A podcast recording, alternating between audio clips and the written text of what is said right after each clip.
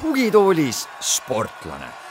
tervist, head spordisõbrad, teie ees on järjekordne osa podcastist nimega Tugitoolis sportlane ning äh, millest ikka täna rääkida, kui natukene dopingust ja loodetavasti siis jääb natuke aega, et rääkida ka millestki muust, sest noh, kes ei jõua neid dopingujutte siin enam ära kuulata, et nädal aega ainult äh, sellest ongi leierdatud ja ega praegu küll ei tea, otsa ja ka äärt näha ei ole, et tundub, et läheb järjest äh, karmimaks see asi, aga külas on meil endine laskesuusataja ning praegune telekommentaator Margus Ader, et kui see saade äh, nii-öelda eetris on, siin reedesel päeval me tavaliselt äh, tugitooli sportlase avalikustame, siis äh, Margus ise on juba Rootsis, Östersundis, kus seitsmendast seitsmeteistkümnenda märtsini siis äh, laskesuusatamise mm toimub. tervist, Margus! Äh, tere, tere, Siim! no sa ütlesid mulle siin, kui me leppisime kokku seda kohtumist, et ega väga ei tahagi sinna Rootsi minna, et kas nüüd on see tunne muutunud, noh, asi siis ikkagi ju selles, et praegu tundub, et see doping võtab kõik üle või võib, võib kõik üle võtta ja noh, sportlikud saavutused veel võib-olla ei tundugi nii tähtsad. Jah, et kui sa reklaamid siin, et istutakse tugitoolis, siis äh, olles kõiges aus, siis tegelikult istun ma siin äh, metallist plastmasstoolis ja väga mugav ei ole. Aga mis puudutab seda, et äh, see intervjuu, mis sai kokku lepitud, oli vist äh, kaks-kolm nädalat tagasi tegelikult ja me pidime rääkima hoopis tõesti kommenteerimisest. aga kuna elu muudab palju, siis tõepoolest äh, see skandaal, väga ebameeldiv skandaal, mis siin plahvatas siis ma ei tea, viis-kuus päeva tagasi. Et äh, eks see minu jaoks kui spordimehele, kes on ka ikkagi äh, suusaalaga või ja suusatamisega väga-väga seotud, oli absoluutselt äh, suur löök. see oli löök, mis ikkagi ühtepidi vihastas, teisipidi tegi ääretult kurvaks ja, ja nii mitmedki öötunnid jäid vahele lihtsalt sellepärast, et ikkagi oma peas kerid ka linti ja mõtled, et mis võis nende meeste peades olla, et nad selliste asjadega tegelevad ja nii organiseeritult ja samal ajal siis, mis paneb ühe sportlase seda tegema. Ja, ja kuna mul on lihtne oma aegade peale kerida, siis see lint käibki edasi-tagasi kogu aeg. Ja kuna sul on, kuna mul on palju sõpru, palju kolleege, siis ikkagi vahest arutad ka nendega ja eriti sel ajal ikka küsitakse, et, et Margus, mis sa arvad ja nii ja eks ma, eks ma siis äh, räägingi, et enamasti kui see asi on äsja juhtunud, eks siis oled ju pahane ka ühtepidi ja teisipidi kurb ja ja, ja, ja selle pealt võib-olla ka see Rootsi asi, et kuna see tuli nii ruttu peale ja seda tahaks ikkagi sellise hea emotsiooniga teha, siis võib-olla see esimene mõte oligi see. oled sa mõelnud siis välja, mis nende pea, meeste peades toimub? ega seda nii lihtne välja ei olegi mõelda, sest äh, ma arvan, et iga inimene nagu on indiviid ja, ja mõtleb erinevalt, et äh, miks ta siis seda teeb. Mida ma suutsin välja mõelda oma peaga, on see, et äh, need mehed ei olnud äh, keegi absoluutne tipp. Ja sportlane ühel hetkel satub situatsiooni, kus äh, eriti vastupidavusala sportlane, kes ei ole profisportlane, selles mõttes, et minu jaoks profisportlane on näiteks Margus Hunt, kes kohe-kohe kirjutab lepingu alla, kas ta teenib nüüd kolm miljonit või neli miljonit eurot aastas, see ei olegi nii oluline, aga oluline on see ja väga suur vahe on profisportlase ja tavasportlase vahel, üks teenib raha ja teine ei teeni. ja ja needsamad mehed, kes jäid vahele, ehk ka minu alas on väga palju neid mehi ja naisi, ehk laskesuusatajad, suusatajad, kahevõistlejad, ma pakun ka äh, jooksjad, kergejõustikud, sest tegelikult see ring on päris suur, kes ühel päeval on noorteklassist välja kasvanud, on äh, ehk noorteklassides tulemus tehtud, et soov teha tippsporti edasi on jäägitu. Ja olles nüüd tippsportlane juba, tehes A-koondises trenni, käies tiitlivõistlustel juba viis, kuus, seitse, kaheksa aastat näiteks järjest ja tulemused ei lähe ülesmäge, sa oled kogu aeg selle sees, sinu elu, sinu pere, ütleme, et pere toidulaud, sellised olmetingimused sõltuvad ju väga palju ikkagi sellest, et kuidas läheb siis pereisal või pereemal. ehk et ka tema peab ju midagi sisse tooma. võtame seda siis väikest noh, äriprojekti ehk et sina, Siim, lähed tööle hommikul ja õhtul tööpäeva lõpetad, sa saad palka selle eest aga ma olen täiesti aus, siis ma pakun, et Eestis üks kolmkümmend, nelikümmend protsenti sportlasi, kes täna Eestit esindavad, võib-olla see protsent on oluliselt suurem, ei saa palka.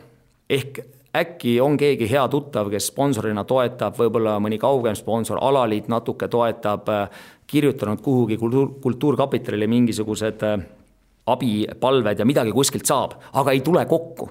Ei tule kokku ja, ja nüüd üks asi, mis on eriti oluline, on see, et äh, kui sa ei ole profisportlane, siis määrab tulemus.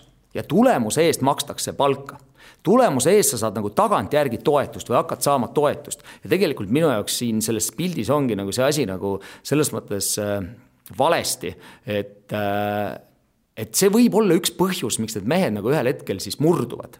sest äh, lapsed on kodus. siin, äh, kui ma ei eksi, siis Algol jah, Algol peaks olema, ta on pereisa ja tal on lapsed kodus äh, ja, ja no midagi pead sa koju tooma. Ja, ja siis ma mõtlen just seda, et äh, samas riik ootab tulemust, ajakirjanik ootab tulemust ja ta ei taha rääkida mingi mehega, kes saab kolmekümne kaheksanda koha või hullem, kuuekümne kaheksanda. et äh, mina arvan, et see, see põhjus võib ühel hetkel olla see, et sa oled nagu nurka aetud, sa ei näe enam väljapääsu sa oled äh, enda elu rajanud spordile ja sa antud hetkel siis või nende aastate jooksul ei ole mitte millegi muuga tegelenud, nii et sa oled nagu välja pääsenud olukorras. et siis, kui on võimalus, keegi usaldusväärne allikas pakub sulle võimalust, siis võib olla see murdumine tegelikult üsna, üsna äh, lihtne, aga karm. nii et kui meil on kirjaniku palk, kas meil oleks vaja siis ka sportlase ja. palka? absoluutselt, väga õige, sellepärast et kuidas me siis seda näeme, mehed ja naised, kes teevad sporti Eesti heaks ja võistlevad ja esindavad Eestit äh, tiitlivõistlustel, see võiks olla see parameeter. Nad on ju riigi poolt sinna saadetud ja nad hommikust õhtuni mõtlevad spordist, sest nad on tippsportlased tegelikult sest no ei ole, noh, on kindlasti alasid, kus sa võid ka tööl käia, aga kui ma räägin täna suusatajatest, laskesuusatajatest, kergejõustiklastest ja veel siin paljudest aladest, siis enamus neist teeb ikkagi eh, sporti kakskümmend neli tundi päevas ehk elab selle nimel. aga tal palka ei ole. ta peab selle palga ise muretsema ja minu jaoks tekib kohe siin eh, nagu selline tunnetus, et eh, väga raske töö on see. See ongi nagu päriselt väga raske töö. kui sa, kui sul tulemust ei ole, siis sa ei ole mitte keegi tulemuse nivoo hakkab Eestis, noh, on erinevalt Euroopa, Euroopa meistrivõistlused, maailmameistrivõistlused ja olümpiamängud, see on väga, väga, väga paika pandud see. aga kui sa sinna ei ulatu, mis siis? teed, lähed tootva töö peale no, nagu nii, öeldakse. väga õige, lähed tootva töö peale, aga kui sa, kuidas ma ütlen, kui me nagu hakkaks reastama, siis ma ei teagi, Siim, kui hea ajakirjanik sina oled, võib-olla sa ei tohiks ka praegu palka saada. võib-olla kui see meie töö praegu, mis meie siin teeme koostöö, et Ader rääkis ja tänu sellele saad klikke ja öeldakse, et nüüd pidid saama sada üks klikki, siis me maksame sulle. aga sportlased on tegelikult samamoodi, aga sina saad palka, no palka ka siis, kui see ei too sulle üldse klikke, et see minu jaoks on see nagu selline öö, koht, mille peale ma nagu päris palju mõtlesin, et miks mm. -hmm aga noh, see, see noh, see on nagu põhjus, aga noh, loomulikult ei ole siin küsimus üldse, kas, kas see on õige tegu või ei ole õige tegu, see on igal juhul, sellist asju ei saa olla ja see on häbiväärne ja, ja mis kõik, aga kui, kui lihtsalt mõelda nendele tagajärgedele, mida siis inimene võib mõelda või sportlane, et ma neist kedagi ei tunne isiklikult väga hästi et pigem Karrelit tunnen natukene ja, ja kahte meest ei tunnegi. aga aga siis see riiklik toetusvõrk peaks lihtsalt nagu võimsam olema, ühesõnaga. no ma, ma, ma arvan tõesti, et sest äh, ma noh, ma ütlen, et aga ma küsin siis, et äh, kes on nõus tegema hommikust õhtuni tööd, aga palka ei saa. palka saad siis, kui sa värvisid ära sada üks tooli, aga reaalne võimekus on see, et sa suudad ära värvida seitsekümmend. no kaua sa siin paned, kaksteist kuud paned, seitsekümmend, no kaheksakümmend heal päeval, kehvemal päeval nelikümmend, aga sa palka ei saa ju tulemuse eest sa saad palka. aga Ehk... keegi, mõni sponsor ikka annab no, värvi võib-olla. jaa, okei okay,, aga vaata, nüüd ongi ja loomulikult on mõned toetajad olemas ja sa leiad mõned toetajad, aga ela siis selle surve all. kas sa saad raha, kas see sponsor annab, no mina isiklikult, kui ma karjääri alustasin, A-klassi poisina ma olin, ma pakun kuueteistaastane, kui ma kõndisin kümme kilomeetrit maha, et jõuda toetaja ukse taha. koputasin, käed-jalad värisevad, mis sealt vastatakse see koputus tähendas seda, et kas sa saad sisse või sa ei saa sisse uksest. kui ma sain sisse, siis ma sain üldse oma loo ära rääkida. aga ma ütlen sulle ausalt, et viis ei lasknudki sisse. mis teemal? aa, sponsor. no sa ei saa sekretärist edasi. no ja, ja siis kõnnid, noh, ütleme niimoodi, et, et äh, sa oled situatsioonis, kus äh, väljapääsu ei olegi. sul on küll ainuke võimalus on sport lõpetada, nagu sa ütled, tootvale tööle tegelikult noh, kui see noh, ajakirjanduse kutsung oleks see, et tootvale tööle, siis ma pean tunnistama, et väga paljud Eesti sportlased kahjuks peavad minema tootvale tööle, sest see ongi nagu sellisel kujul nagu väga-väga raske töö. sest kui me räägime nüüd sellest, et üks asi on see, et kas ma saan palka, palk peaks olema kõige alus, sest ma teen ju töö ära, ma käin trennis. ma kvalifitseerun osalema suurvõistlusele ka see võiks olla statuut, neid statuute saaks nagu siis noh, tekitada niimoodi, mitte see, kes ütleb, et ma pääsen siin äh, mingile MM-ile. ei, kui sa pääsed näiteks, alaliit ütleb, jah, see mees on valitud esindama siin äh, kurlingu MM-il, siis sa saad sinna ja siis sa oled välja teeninud sellise noh, sellise põhipalga.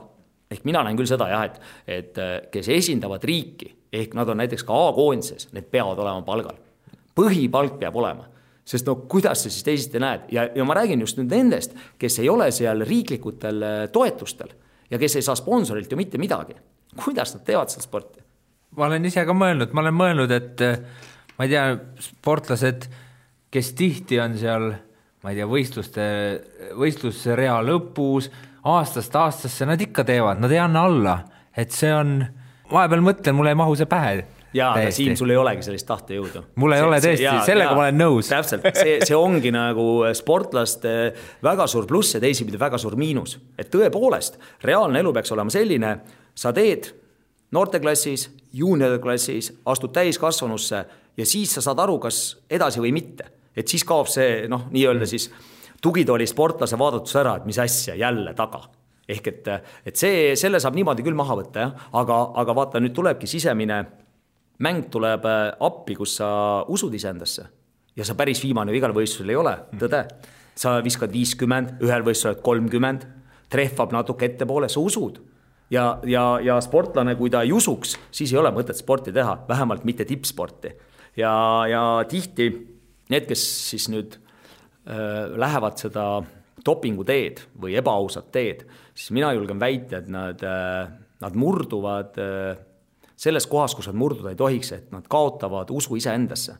ja nad ei usu enam sellesse tegevusse, mida nad tegelikult äh, teevad ja mida nad on äh, ja läbi mille nad on võimelised saavutama edu.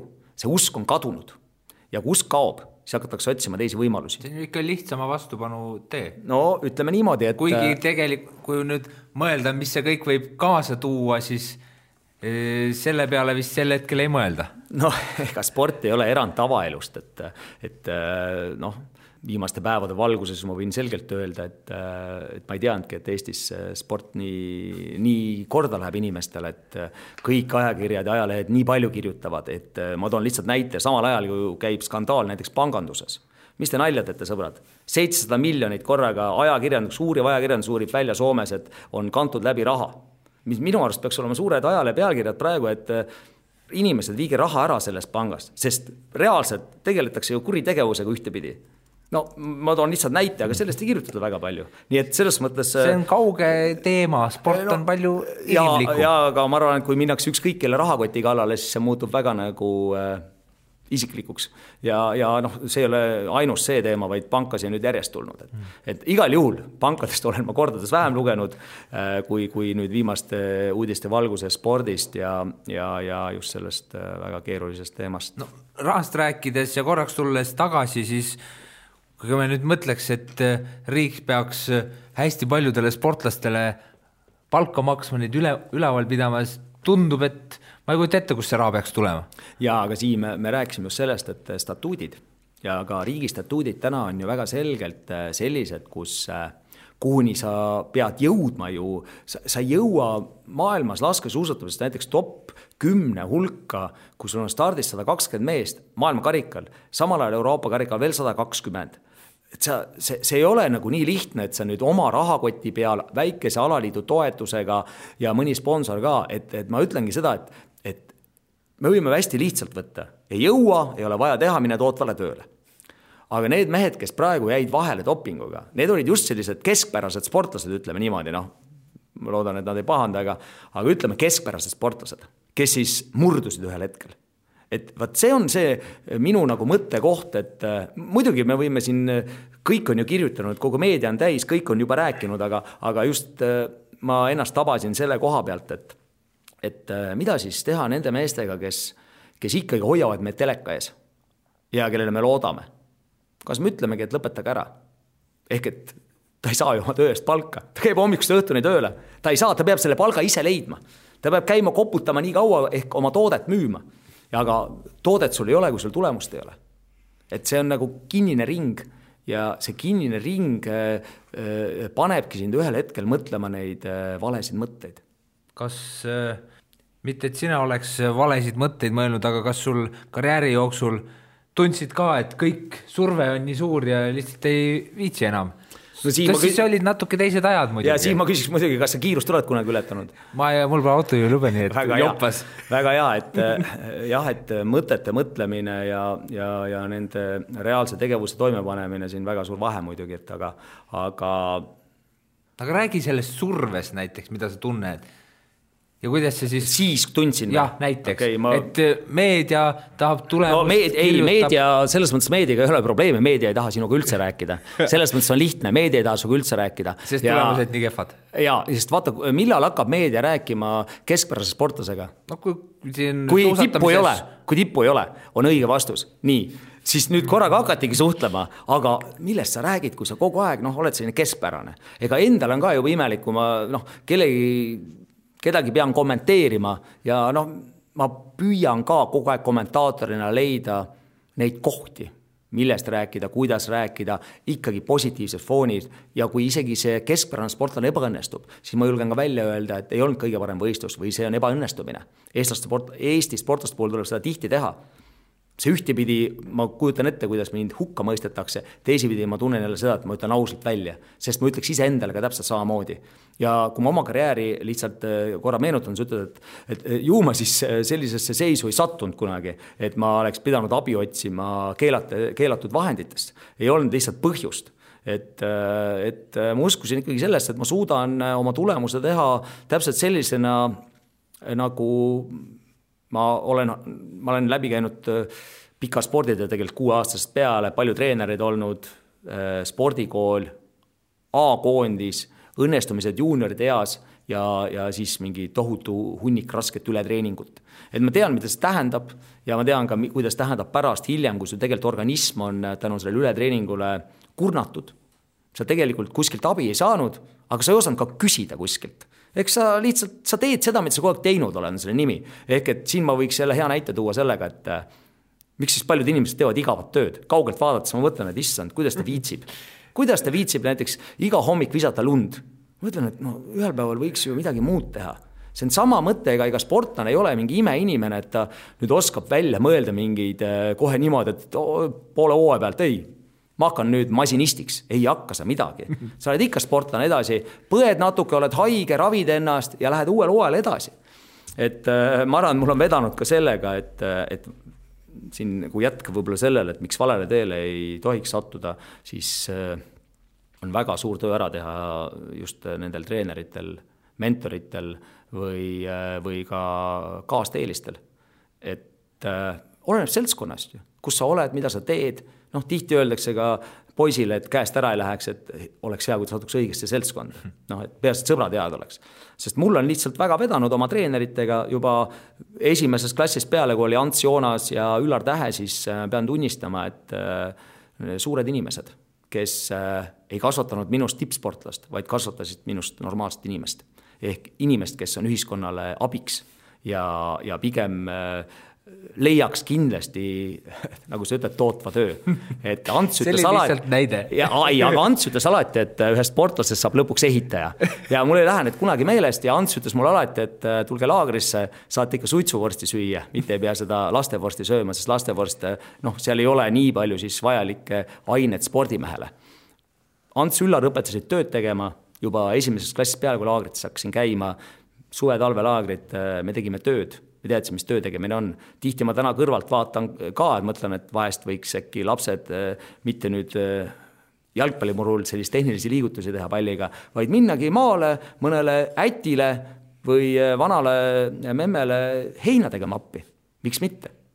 miks mitte ja sealt tõuseks neile ainult kasu, olles füüsiliselt tugevam, on sul kõike lihtsam teha, kui ma räägin spordist. sinust ei saanud ehitajat kahjuks ei saanud ja, et mul ei olegi ühtegi ametit, ma olen ise kõik ametid enda jaoks kuidagi leidnud ja ja, ja see kuidagi äh, tuleb, aga võib-olla see ongi keskpärase sportlase tee.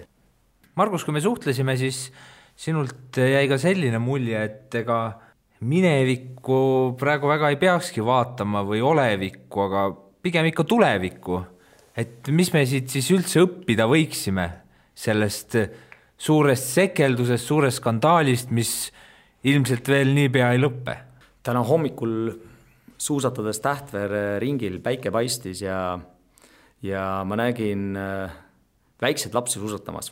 Äh, Limpa suusakool on ülimalt tänuväärne asi, mis on tehtud Tartusse ja, ja see vist suusabuss sõidab küll Eesti, aga, aga kui ma näen neid väikseid lapsi, kes on võib-olla lasteaia seal lõpupoole ja, ja kooli esimesed klassid, kes enamasti käivad suusatamas seal ja neid oli täna palju, neid oli üks sadakond last seal, erinevad grupid. Ja seal olid äh, treenerid, äh, kes nendega ka tegelesid, õpetasid neid mäest alla laskma.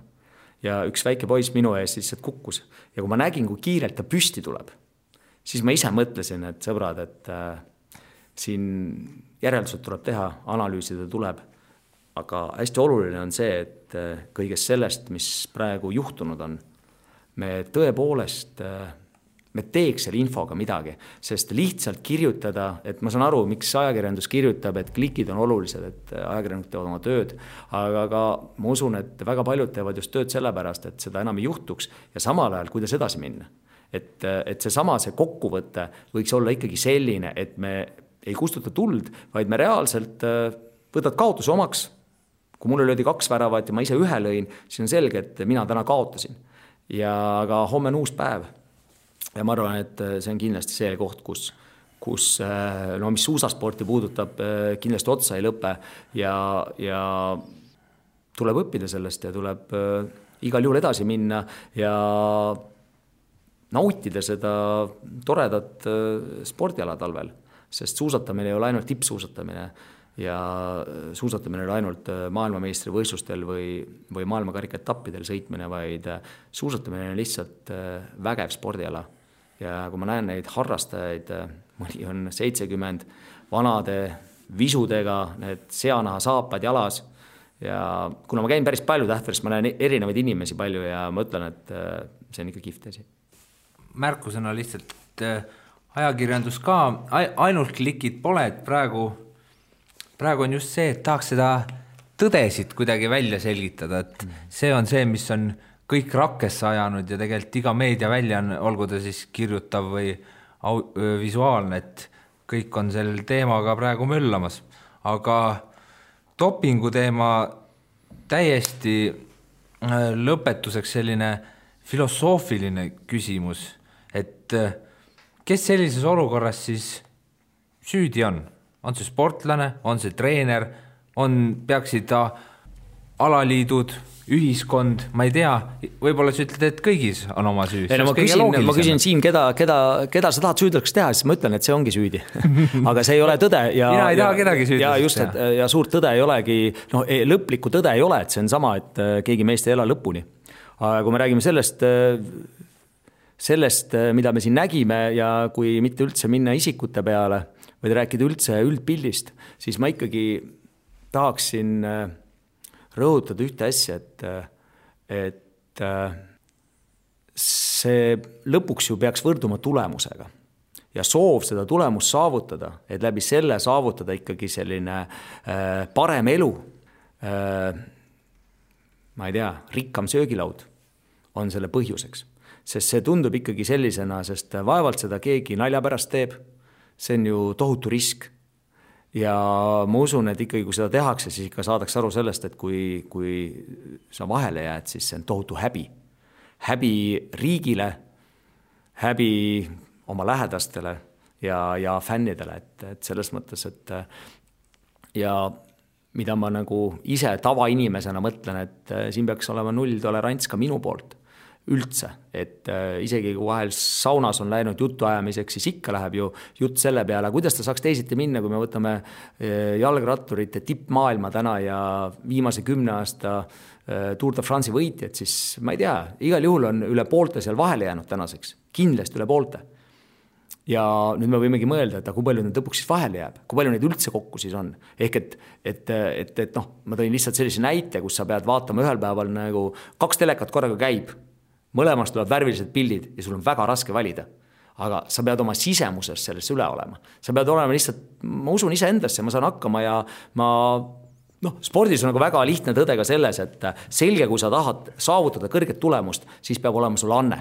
Sul peab on, olema looduse poolt midagi kaasas.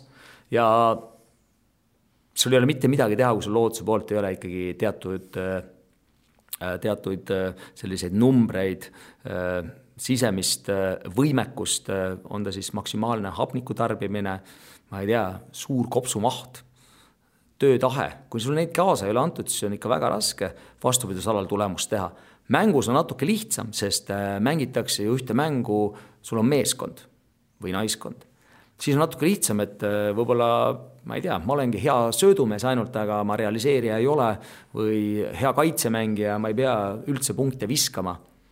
Et äh, tava või individuaalspordil on see natuke keerulisem ja, ja kuna tulemust saavad teha nagu väga vähesed, ehk sinna ei mahu poodiumile väga paljud ja kuna klubi palka ei maksa ja nii nagu ma algul alustasin, et, et aga tegelikult palka ei tekigi ju kuskilt. palk tekib läbi tulemuse, et seesama, see ahnus ja soov, teisipidi vajadus tulemuse järele on, ma arvan, et see kõige, kõige suurem äh, riskikoht või tähendab, see on kõige suurem vajadus üldse, et siis minnakse valele teele.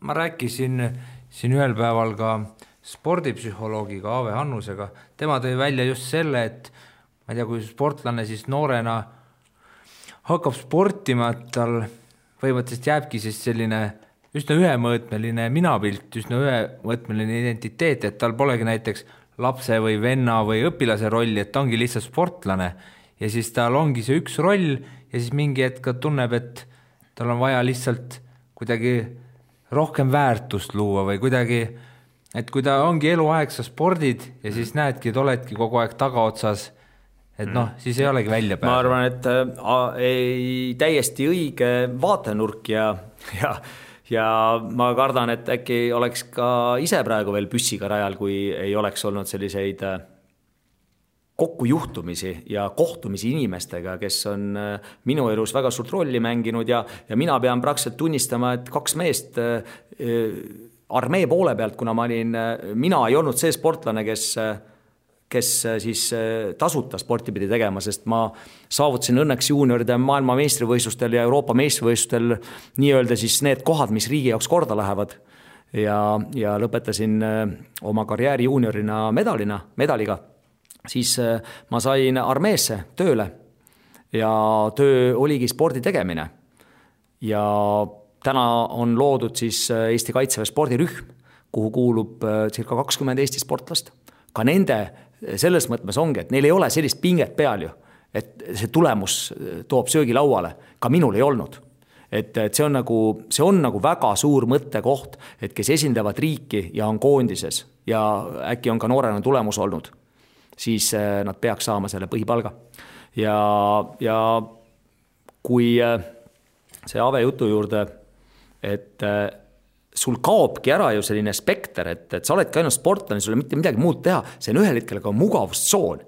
sa lähed, ärkad üles, sööd trenni, sööd, magad, trenni, magama.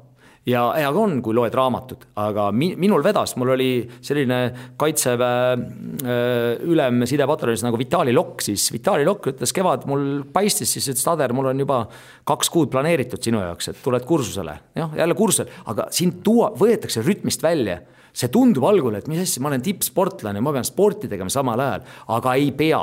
sa pead tegelikult aru saama, mis on ka tavaelu ehk hiljem oleks sul lihtsam tavaeluga kohaneda ja kõik need tagasilöögid, mis tulevad, kui sa istud seal, ma ei tea, pisar silmas ja ebaõnnestunud tiitlivõistlus ja mis siis saab? midagi ei saa, homme lähen piiri peale tööle.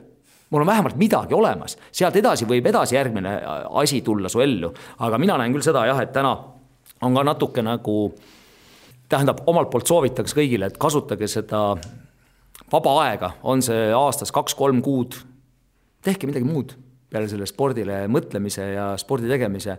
ja spordirühma äh, sportlased täna, mina ütlen, mulle tuli ainult see kasuks ja ma ei olnud ainus, oli ka teisi sportlasi, kes seda sama teed käisid, samal ajal ma võin näite tuua näiteks äh, Soome äh, väga paljud sportlased, kes on kaitseväe palgal või piirivalve palgal, oli seal hea tuttav maailmameister Paavo Puurunen näiteks, no enamus laskesuusatajad, suusatajad on seal palgal olnud, nemad Nad pidid käima aastas umbes äh, kolm-neli kuud äh, piirivalves reaalselt piiril tööl. ja see võeti siis ajast, kus on kevad ja kus ei ole nii intensiivne äh, nii-öelda treeningperiood ja ma ei tea, Puurunen tuli maailmameistriks. et ei saa öelda, et ei ole võimalik tulla, et see neli kuud nüüd kadus ära, et ma ei saanud treenida. ega see tööaeg ei kesta ka ju, tööle lähed kell üheksa, noh, parem mees kell viis lõpetab Siim, sina teed vast ainult kolm-neli tundi tööd, aga, aga, aga võib-olla milline teisi... süüdistus? ei, võib-olla mõned mehed teevad rohkem, aga, aga sa saad treenida ka äh,, igal juhul saad treenida töö kõrvalt, et äh, ja saavutada äh, võib-olla selliseid tulemusi, millest sa ei oska unistada. noh, nüüd on siin palju räägitud kõigest sellest teemast, kui läks siin maailmameistrite peale, et lähme siis äh, natuke ka Östersundi juba, et kus hakkavad selguma uued maailmameistrid sina kommenteerid neid ülekandeid ka, et äh, mul on siin mõned äh, küsimused, mul on isegi sellised küsimused siis, mis mul on inimeste poolt antud, et kindlasti tuleb Marguselt küsida, et huvi on väga suur, aga alustuseks, et äh, noh, te olete ikkagi seal ülekandes vahepeal väga, väga elevil, et mis seal boksis toimub, et kas, kas ikkagi kargate ringi ja kas vahepeal olete pooleldi laua all või kuskil, ma ei tea, sest tundub, et ikkagi jõhker möll, ma endale siia dokumenti olen kirjutanud kolm korda väga elevil, nii et see, see võib-olla natuke annab edasi, mis teil seal toimub. kindlasti me ei kasuta keelatud äh, vahendeid seal, et elevile minna, aga, aga ma tahtsin öelda, et eks see ma ei tea, eks see, see sõit ja, ja see ala pakub tõepoolest selle võimaluse, et minna seal elevile, et ja tegelikult äh, toolilt äh, vahel tõuseb püsti või on selline pool istuvas asendis, et äh, hästi ei mäletagi enam, kuidas need võivad olla, aga, aga igal juhul püsti tõusmine, maha ei loobi ennast ja ja, ja kui sõit ikkagi annab võimaluse, siis niimoodi kaasa elada, eriti kui Eesti võistleja või Eesti võistlejad on mängus, siis see on, see on võimas, jah. No ma tean äh, mõningaid kommentaatoreid või vahepeal on umbes selline mm, noh, kommentaatorite seas väiksed mängud umbes, et keegi sõber siis ütleb mingi kolm lauset või kolm väljendit, mis kindlasti tuleb ülekande jooksul ära öelda, et vahepeal kuulan sinu ülekandeid ja mõtlen, pagan, kas keegi on sulle ka mingi sellise ülekande või ülesande andnud, et mul, ma ei mäleta seda täpselt, aga mulle väga meeldis, kui ükskord sa lihtsalt hiljuti tõid Müürilehe järsku sisse täiesti suvalisel hetkel jah, sest ma leidsin Müürilehe enda postkastist, et ma ise ei olnud seda tellinud. et just jaa, täpselt tegelikult nii ongi, et need asjad, mis sinna ülekandesse siis vahest saavad sisse pandud, need on enamasti ikkagi viimase hetke mingisugused sellised liigutavad elamused, et et on see siis pääsukese film või, või on see Müürileht ja, ja, ja, ja ei saa nüüd eitada, et vahest on ka mõni öelnud, et, et vaata, et sa ikkagi meid ära mainid, aga ma tihti ei ole maininud. et äh, vahest ikkagi mõni tahab oma nime kuulda, aga ja isegi on helistatud mulle, aga ma ei võta enam telefoni siis vastu, sest äkki tahetakse jälle sama asja öelda. aga, aga jah, need on ikkagi nagu elust enesest, isegi kui sa näiteks ringhäälingu poole autoga sõidan või, või midagi kuulan või, või olen midagi viimasel ajal lugenud, siis midagi jääb kummitama no kas Tõdeõiguse film on vaadatud? vaadatud. Östersundist on äkki oodata mõni Andrese ja Krõõda vihje ka ikkagi? Jah, see on, see oli nii hull film, et selle filmiga ma vist kell neli öösel alles jäin magama, ma kell kaksteist lõpetasin filmi vaatamise, nii et neli tundi oli ööajast mõtlemist selle filmi peale, et vägev film. see oli tõesti hea film. Äh, minu käest on ka inimesed uurinud ikkagi, et äh, no ma kasutasin seda sõna elevil enne, et ma kasutan siis veel, et kuidas ikkagi vahepeal seal kuuekümnendate kohtade peale nii elevile minnakse ja tunduks, nagu see oleks maailma suurim saavutus aga eh, siin ma tahaks jälle öelda seda, et kui sa ei tunne rõõmu väikeste asjade üle, kuidas sa saad rõõmustada suurte asjade üle. et eh, ja meie poolt kindlasti seda survet, eh, see, mis siin nii-öelda e-, eelneva looga sai räägitud, et surve tulemusele ja, ja tulemust peab tegema, siis meie ütleme selgelt, et mina olen õnnelik vahest kuuekümnenda koha üle, et aga kui see sportlane on võimeline sõitma neljakümnenda üle, siis ma kindlasti ei ole või noh, elevus tuleb ikkagi sellest, kui keegi ennast ületab. keegi teeb oma karjääri, selle hooaja parima etteaste ja kuna sport on ikkagi ka suuresti meelelahutus ja siis kui ma seal vaikselt või kommentaatorid vaikselt räägiks omaette ja, ja võib-olla nutaks varukasse, siis ma arvan, et seda, see ei huvitaks mitte kedagi. peab ikkagi rahvatuju ka üleval hoidma absoluutselt, ma vaatan, kuidas Kalev Kruus kommenteerib Žalgirise äh, mänge, noh, nagu Žalgiris oleks nagu meie võistkond, et siis mul on küll hea vaadata, et, äh, et äh, igal juhul kiidusõnad, et ta hoiab selle mängu põnevana ja, ja selle koha pealt ma tahakski tuua, et sport on täna ikkagi väga suur meelelahutus. kas sa vaatad-kuulad siis ka teiste spordialade ülekandeid just selle pilguga? Et kuidas ka ise võib-olla midagi kõrva taha panna? ma kuulan, kuidas tehakse jah, seda küll, et ma kuulan, kuidas tehakse ja, ja vahest ikka nagu ikka eestlane, et räägib teist taga, mõtleb, et aga siinkohal oleks võinud selle mängu tuua. aga meil täna nagu Rahvusringhäälingus endas äh, on selline hea grupp, et enamasti neljakesi äh, Alvar, Tarmo Äh, Karel ja mina kommenteerime, siis, siis me ikkagi oma asju vaatame ka kriitiliselt, et, äh, et tuleb ikka mingeid asju, mida tuletad pärast meelde ka sõbrad, et selle mehe tegemisi ei saa maha magada, et, et sellises vahepunktis ja, aga eks ta, igalühel on oma stiil. ja kuna me teeme seda alati paaris, siis äh, see koostöö peab olema ka väga hea ja see koostöövorm, et mul on au olnud väga paljudega teha juba vist on kolmteist aastat täis, siis igaühega ongi natuke teistmoodi ja, ja sa võtad äh, kiiresti selle kuju, mis äh, sobib, et see, see meeskond hästi töötaks ja see kõlaks äh, pealtvaatajatele hästi. saad sa rohkem, ma ei tea, kiidukirju või seimukirju? või no, eestlane ei taha midagi öelda? ei, eestlasi tuleb igal juhul ja televaatajaid tuleb kiita, et, et kiidetakse kindlasti rohkem ja mul on hea meel ka, et tuleb äh, selliseid üleküsimisi ja vahest, kui ikkagi midagi oled äh, noh, nimedega on tavaliselt, et äh, miks te seda nii hääldate ja niimoodi. et, et siis on tulnud ka negatiivses toonis, aga, aga ma arvan, et ka see on kõik see, mis aitab edasi. aga enamasti ikkagi kiitvaid hinnanguid ja kui julgesin öösel välja öelda, et keegi nagunii meid ei vaata, siis, siis üsna kiiresti oli viiskümmend sõnumit. meie vaatame ja koos perega, kõige väiksem nelja-aastane väsis ära aga eh, mulle tundub, et sa oled, eh, tundub, et sul on selline ajakirjanduse jaoks hea omadus, et sa oled vist väga uudishimulik miks sa nii arvad? noh, sa, eh, ma, see oli mul alguses siin ühe teise küsimusega koos, sest aus vastus on see, et sa tead, kus kõigi vanaemad elavad. aa, jaa, aga ma arvan, et kui sa jutustad lugu ja, ja kommentaatori tegelikult lisab sinna loole selle sisu, ehk et pilt on, aga hääl annaks juurde selle sisu, siis, äh, siis tõepoolest, äh, mida rohkem sa selle sportlase kohta tead ja kui on võimalus sellist äh, ma ei saa öelda nüüd head, aga, aga võib-olla olulist infot mingil hetkel, kas siis huumorivõtmes või, või pigem just sellises vajalikus võtmes kasutada, siis ma arvan, et see on positiivne. kas sa ütlesid, sport on meelelahutus, et kas äh, kommenteerimine ise sinu jaoks on nagu kunstivorm? jaa, kui ma, kui ma, seesama skandaal näiteks, mis oli tõepoolest, siis ma tundsin oma sisemuselt just seda nagu lööki, et, et äh, ma olen ju väga mitmest neist väga positiivselt rääkinud ja siis ma tundsin seda, ma olen, nad on mind alt vedanud.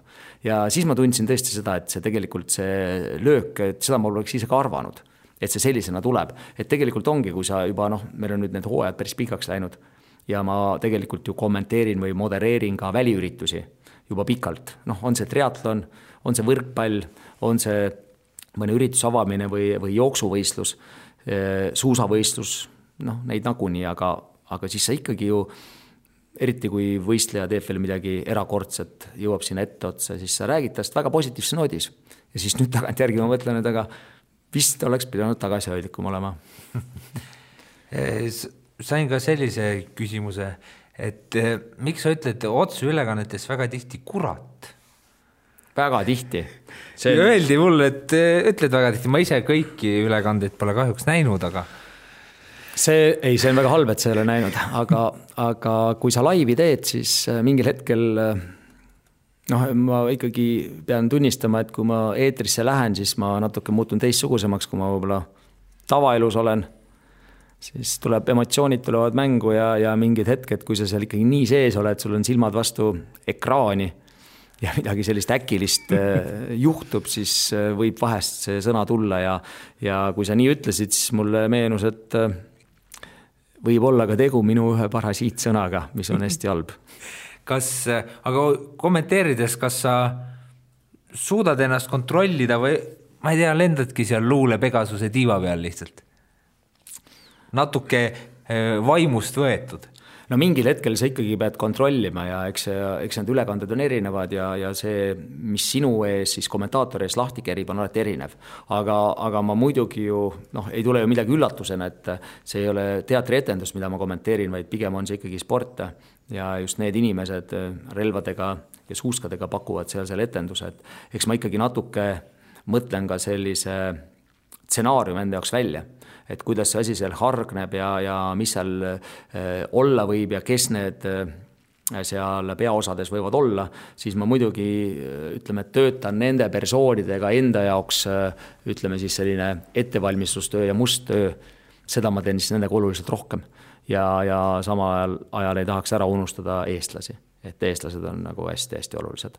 no ja neid ülekandeid kuulates vahepeal jääb nagu tunne, et sa lihtsalt teakski hästi palju, aga ma kujutan ette, et see on nagu ikkagi korralik eeltöö ikkagi, et see ei tule kuskilt õhust ja armastusest. kuna faktide vastu ei või eksida, sest seda paneb äh, publikum tähele.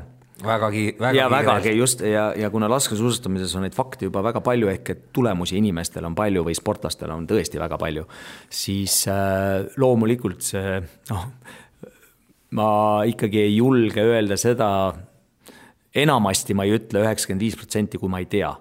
Et ma pean ikkagi selle faktiga kuidagi olema silmitsi olnud või üles kirjutanud või no tihti sa ikkagi käid viimased võistlused läbi, kui on tiitlivõistlusega tegu, vaatad, mida ta tiitlivõistlusel on saavutanud ja täna on peatlon föödis või selline taust on läinud nagu nii heaks, et seda eeltööd on teha tänasel päeval ikka palju lihtsam kui, kui oli siin ütleme aastaid tagasi, kus sa praktiliselt, sa võisid teha eeltööd äh, paar päeva, kui sa tahtsid. see on su enda valik. et sa võid ka tulla ju ülekannet kommenteerima, pean tunnistama, et äh, olen kuulnud äh, kommentaatoreid, kus tõesti tundubki, et mõni on tulnud ja võtnud lihtsalt alt lehe ja, ja lihtsalt kommenteerib ja, ja noh, minu jaoks see, see tuleb välja, kohe ma näen, et ta ei ole eeltööd üldse teinud, et see sisu on hoopis teistsugusem. see ei tähenda, et see keelatud on vastupidi, et vahel võibki tore olla, kui, kui räägitakse vähe ja, ja see pilt, mis seal ees on, on parem, aga aga ma ikkagi käin kõik võistlejad üle ja kui need võistlejad sada kakskümmend on ja kui sa avastad, et mõne kohta on mingi tohutult huvitav lugu tulnud, kas või tema vanaema või vanaisa kohta, no siis, siis sa jäädki sinna selle infosse kinni ja siis sul lähevadki need tunnid ja jah. räägime natuke ka laskesuusatamisest endast, et hästi palju ikkagi mainitakse seda laskesuusatamise vaimset poolt, et palju ju ka ikkagi Eesti sportlased vist ikkagi psühholoogidega koostööd teevad. no ma ise olen ka natuke tegelenud selle alaga, väga halvasti lasin ja mäletan ühte võistlust, kus ka jooksin vist üheksa trahviringi või oli see neliteist, ma ei mäleta, kas oli kaks tiiru või kolm tiiru, aga hästi palju jooksin ja ma ei jõudnud üldse joosta, aga mis on see just seal vaimses pooles, mida on vaja, kas seal on, on vaja tiirus siis püsida hästi rahulik, et inimene ei läheks närvi või mis on see, millega on just vaja tööd teha ja millega siis paljud alt lähevad? no alustasin minagi Siim üheksakümne trahviga, nii et ei tulnud need märgid kuidagi niisama alla, et äh, siis, kui ühel hetkel hakkad alla saama, siis äh, saad hästi aru, et tegelikult iga asja nimel tuleb tööd teha. tuleb tööd teha ja tuleb äh, palju lasketiirus istuda ja, ja sihtida märki, tegeleda hingamisega, päästikuga ja, ja need lasud ei pea olema üldse padruniga sooritatud, et nimetame seda jälle selliseks mustaks tööks, sportlased nimetavad seda kuiva tegemiseks. sa sihid lihtsalt seda ühte musta täppi seina peal ja võid teha seda ja pead tegema seda tundide kaupa. ja ma mäletan oma karjääris ja, ja pean jälle tunnistama, et see läheb sinna juunioride aega, kus ma tegin seda järjekindlalt ma, ma, ma ei saanud ennem magama minna, kui mul oli üks tund tehtud. seisin relvaga, sihtisin seina, seal olid täpid ja oli viis täppi, et see ei olnud ka niimoodi, et ma lihtsalt seisin, vaid äh, ma tegin ikkagi niimoodi, laskmine käib mm, -hmm. püss seljast, viis lasku ära, püss, püss uuesti selga. aga mis selle juures on nagu eriti oluline, on see, et äh, millest sa mõtled samal ajal. sa tegelikult ju pead mõtlema, üritama mõelda kogu aeg ühele ja samale õigesti tehtud sooritusele. ja, ja tegelikult see lasketiirus kordub kõik sama, see on tohutu keskendusvõime, eh, mida sa pead ka harjutama, lisaks eh, füüsiline vorm peab sul nagunii olema, selles mõttes, et kui sa juba tuled nagu võistluste situatsioonis, siis füüsiline vorm peab ka olema, aga ennem seda sa pead oskama üldse lasta. ja laskmise õpib ära, seal ei ole nagu see, et, et ei õpi ära küsimus on nüüd, kas sa suudad viia selle laskmise ja pulsi pealt laskmise kokku. vaata, see on see koht, kus on, äh, paljudel võib raskusi olla, sest sa füüsiliselt võib-olla ei ole nii hea lihtsalt, et, et sa lihtsalt äh, kaotad juba nii palju aega ja see tulemus, isegi kui sa hästi lased, tulemus on lihtsalt kehv. aga, aga laskmise õpib ära ja, ja, ja selline pimedas küünlaleegi vaatamine näiteks aitab samamoodi kaasa keskendumisvõimele ja. kas laskesuusatajad teevad ja, seda? ja ma tean siin koondisi, kes on samamoodi teinud ja, ja vaatadki, vaatadki küünlaleeki pimeduses, et. see on nagu Kamina kanal ja, televisioonist. ja, ja, no mitte päris, aga. see on suur, hea tähelepanek, aga seal on omad nõksud ja noh, psühholoogia osa nagu kindlasti suur, no meil, meil täna ikkagi koondise juures ei ole, ei ole kahjuks sellist äh, nõustajat ja isiklikud ja... nõustajad vist on või mõned no, sportlased vist kasutavad abi. no kuidas nagu tippspordis täna Eestis tippu jõutakse, põhimõtteliselt jõuadki siis ju, et ega sa ei saa loota kellelegi peale iseenda. ja kui sina ise oled kõige rohkem huvitatud sellest, siis ühel hetkel on ka sinu ümber õiged inimesed, kes sind aitavad. ma mõtlen just seda, et sa leiadki ju, äh, võib-olla on perearst hea tuttav, sa, ma ei tea, oled ületreenitud seisus, pöördud tema poole, saad kohe abi. kellel ei ole no mine otsi kuskilt abi, ega ei ole lihtne samal ajal, sul on psühholoogiline, võtsid uue relva näiteks. tõepoolest, vana relvaga said märgid kõik alla, ehk siis ma mõtlen seda puitosa just, see kaba. see on täiesti erinev teema, seal tekib kohe tõrge, kui sa võtad mingi uue asja. olen ise sellega alt läinud, tean, mida see tähendab. ja seal oleks võib-olla vaja üks kaks-kolm tundi kuulata ühte tarka inimest, kes räägib sisemisest jõust näiteks. sa ei mõtle seda ise sel hetkel välja ja oled, olles selle inimesega koos, kes sind aitab, sa saad kiiresti selle noh, nii-öelda teadmise. ma arvan, et probleem laheneb väga kiiresti no.. aga kui sa ei saa, vaata siis on probleem. ma võtsin paar asja, võtsin, eh, paarist asjast võtsin kinni, et ma saan aru, et siis laskmisel ka hästi tähtis, et mõtted ei läheks hajuma. ja sa pead tegelema ikkagi ainult sellega, et äh, sa lülitad mõtte sisse, kui äh, sa oled, ütleme, et sealt lasketiiru algusest äh, noh, ütleme, et selline kolmekümne, neljakümne äh, meetri kaugusel, aga tavaliselt selline viimased viissada meetrit sa mõtled juba lasketiiru tegevusele ehk sa valmistud ennast sisemiselt ette, sa üritad natuke tempot alla võtta, aga sa ei saa palju alla võtta, sest kell käib. et sa pead ikkagi võimalikult kõva hooga tulema. aga just, et noh, väga tihti sa avastad ennast ühelt mõttelt ainult, ma pean nulli laskma, ma pean nulli laskma, ma pean nulli laskma. Ja see, see võitlus sellega, et sa pead nulli laskma ja see võitlus, et tee õiget tegevust, et mõtle sellele, et sa teed kõik need asjad, hingamine, küünarnukk, käerihm intervalli või tähendab laskude vahel hingamine, tegelikult sa peaksid mõtlema sellele tegevusele, aga mitte lõpptulemusele. aga sellest on väga raske ümber mõelda. ma ise olin sellega ikka väga hädas. ja nulle on võimalik igatpidi lasta, aga, aga kõige olulisem on see, et sa ei mõtle ikkagi lõpptulemusele, sest see ikkagi seab sulle pingeid. äkki peaks siis mõtlema, et ma võin lasta ühe trahvi, siis on väike, siis on, kuule, paremini on hea. ja, aga siis sa lased selle ühe trahvi, aga sa tahaks ju nulli lasta tahaks küll jaa, see tundub jaa õudne alati. ikkagi õudusega vaatan, kui suusatajad tulevad sinna alla ja kui on, eks ju, ma ei tea, jälitussõit või ühistarrist sõit ja nad on seal neljakesi koos näiteks. ka ma ei tea, on eelviimane või viimane, eks ju, lasketiir ja siis nad hakkavad kõik pihta. et see tundub võit-, see on nagu võitlus endaga võib-olla rohkem kui võitlus teistega. No ta peaks olema võitlus endaga lasketiirus, et võitlus teistega on rajal. Ta peaks nii olema ja noh, kui me räägime ikkagi seal äh, nendest, keda me siin telekast vaatame, siis üheksakümmend protsenti kindlasti suudab nagu iga tiir niimoodi mõelda, aga aga tuleb eksimusi, tuleb kõigil eksimusi. et äh, sa võid olla ükskõik kui hea, et seal on küsimus lihtsalt, et kui palju sul nüüd õnnestumisi oli ja millal see eksimus tuleb. aga, aga laskesuusatamine on selles suhtes huvitav, et, äh, et sa ikkagi ühel hetkel sa jälle oma trahvid ära lased, et seal ei ole midagi teha, et sellist, sellist laskesuusatajat, kes läbi hooaja nüüd nulle põmutab, äh, mina ei tea. et äh, ikka eksimused tulevad. Põhimõtteliselt see on ikkagi võimatu. ja kui, kui ikkagi oledki eksimatu, siis küll tuul aitab. ma saan aru, et siis tipptiimidel on ses mõttes lihtne, et iga hetk on ka siis nii-öelda äh, psühholoog, hingetohter võtta no ma ei, ma ei julge seda niimoodi väita, et kõigil on, et, et pigem on nii, et no ma. helistad Anter Selvast olen... Rootsi ja küsid. no miks mitte, see tänasel päeval võib olla see täiesti variant et see nii on, aga, aga mis on teistel treen- või tähendab nendel koondistel, kes meist siis nii-öelda siis sellistel riikide arvestuses eespool on, ehk enamasti ka nende sportlased, neil on olemas lasketreenerid. ja enamasti lasketreener on ka psühholoog ta, ta peab teadma seda teemat, mis puudutab laskmist, enamasti ka teavad. ja see on meie võib-olla kõige suurem miinus või mahajäämus täna äh, mina näen seda, et meil tegelikult see lasketreener kui äh, mees, kes äh, teab, kuidas need nulli lastakse, kuidas ehitatakse üles hooaja ettevalmistus laskmise osas. ettevalmistav osa siis, kui tuleb juba pulsi pealt laskmine osa, laskmise osa, kui tulevad võistlused, ta on kõrval, ta analüüsib igat sportlast, ta näeb, et nii, kaks kuud oled lasknud, kolmas märk, kogu aeg see kuul läheb sinna paremale alla. Tema teab, et milles see põhjus siis on, ta võtab midagi ette, aga ma tänan Indrek, kes täna teeb äh, väga head tööd tal ei ole aega nii kõvasti analüüsida, sest see ongi vähemalt kahe treeneri töö on laskesuusatamise treeneri amet. sest sul ongi kaks asja, on, on rajal olla tarvis ja on lasketirus tarvis olla.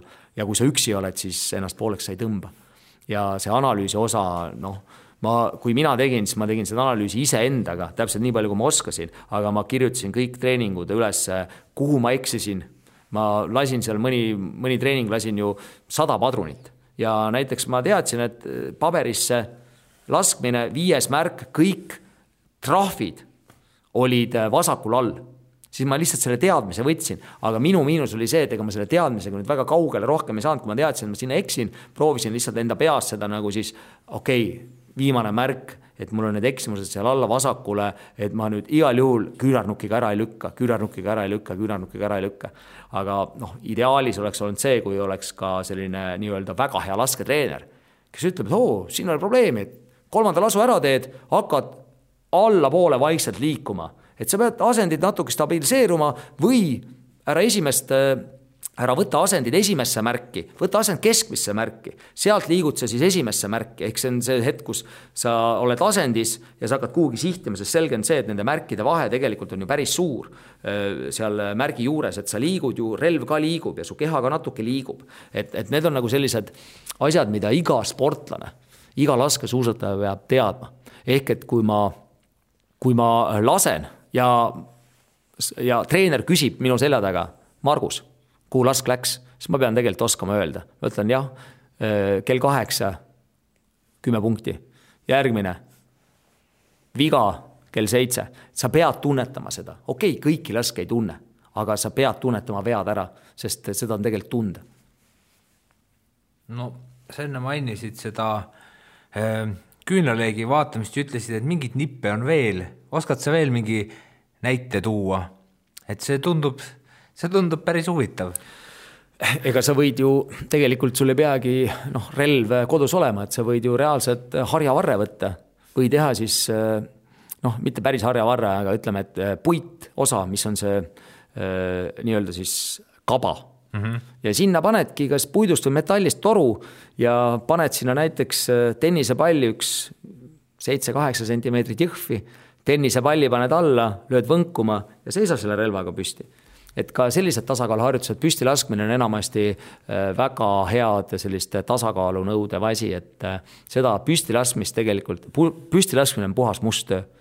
et kui sa lamades seal ütleme, et ei suuda ära Äh, lasta siis sellist äh, üheksakümmend viit silma, et lased seal tegelikult kaheksakümmend, siis ma pean ikka tunnistama, et ma treenerina võin äh, garanteerida sulle, et keskmiselt ühe märgi lased sa iga lamateist tiir mööda sajast praegu palju sina laseksid? no ma arvan, mina olen selline üheksakümne kolme, nelja punkti mees. noh, päris, päris julged sõnad ei, me tegime päris palju neid laskevõistlusi omavahel ja siis ma selles mõttes ma tean palju ma rahulikult lasen, ma, ma kindlasti olin rahulikult laskmises parem kui pulsi pealt, et. see tundubki lihtsam või on ka, kas on ei, ka neid, kes on ei, pulsi pealt paremad? ei, kindlasti, ega see, seda ju seal pulsi pealt sa ju pead laskma oluliselt, seal ei ole vaja kümmet punkti lasta, sa võid lasta kaheksa ja märgid kukuvad. selles mõttes on on paljude jaoks, ta ei pea, ma ütlen, sisekümned ei pea laskma laskesuusatamises. lase ääre mööda, ääri mööda ükskõik kuhu poole ja, ja sa oled ikka tehtud, jaa, täpselt, peaasi, et maha tuleb. Ja et aga see, et sa rahulikult hea laskja oled, see ei tähenda seda, et sa nüüd kõva laskesuusataja oled. see on ikkagi, kaks ala tuleb kokku panna nii, et sa oleksid kõva. no loodame, et äh, MM-il midagi suurt ei juhtu, selles mõttes, et uusi dopinguskandaale, kuigi pigem tundub, et võib nii minna, aga kui selle unustame, millega sina jääksid Eesti koondise osas rahule? No ide-, ideaal oleks see, kui kõik võistlejad suudaks äh, selle hooaja parima tulemuse just äh, maailmameistrivõistlusel teha. no mõne jaoks see oleks ikkagi päris kõva see tulemus. see oleks ikka väga kõva tulemus jah, et äh, aga kui natuke nüüd nagu noh, hoida ennast kahe jalaga maa peal, siis äh, ma oleksin ikkagi rahul, kui keegi keegi sõidaks end äh, kaheksateist parema hulka. Et ükskõik kes siis, et äh, ja, ja võistkondlikult äh, oleks soov, et kõik võistkonnavõistlused lõpeks kuni viisteist kohal, ehk mitte, mitte tagapool. et siis ma arvan, et tähendab, mina ise jään rahule. no vot, eks siis siin järgnevatel päevadel näeme, mis saab. aitäh sulle, Margus, et tulid siin veel enne ärasõitu Rootsi rääkima, et mis siis äh, dopingus ja laskesuusatamise ja küünlaleegi maailmas toimub. nii et äh, ilusat äh, kommenteerimistööd sulle. aitäh ja edu teile oh..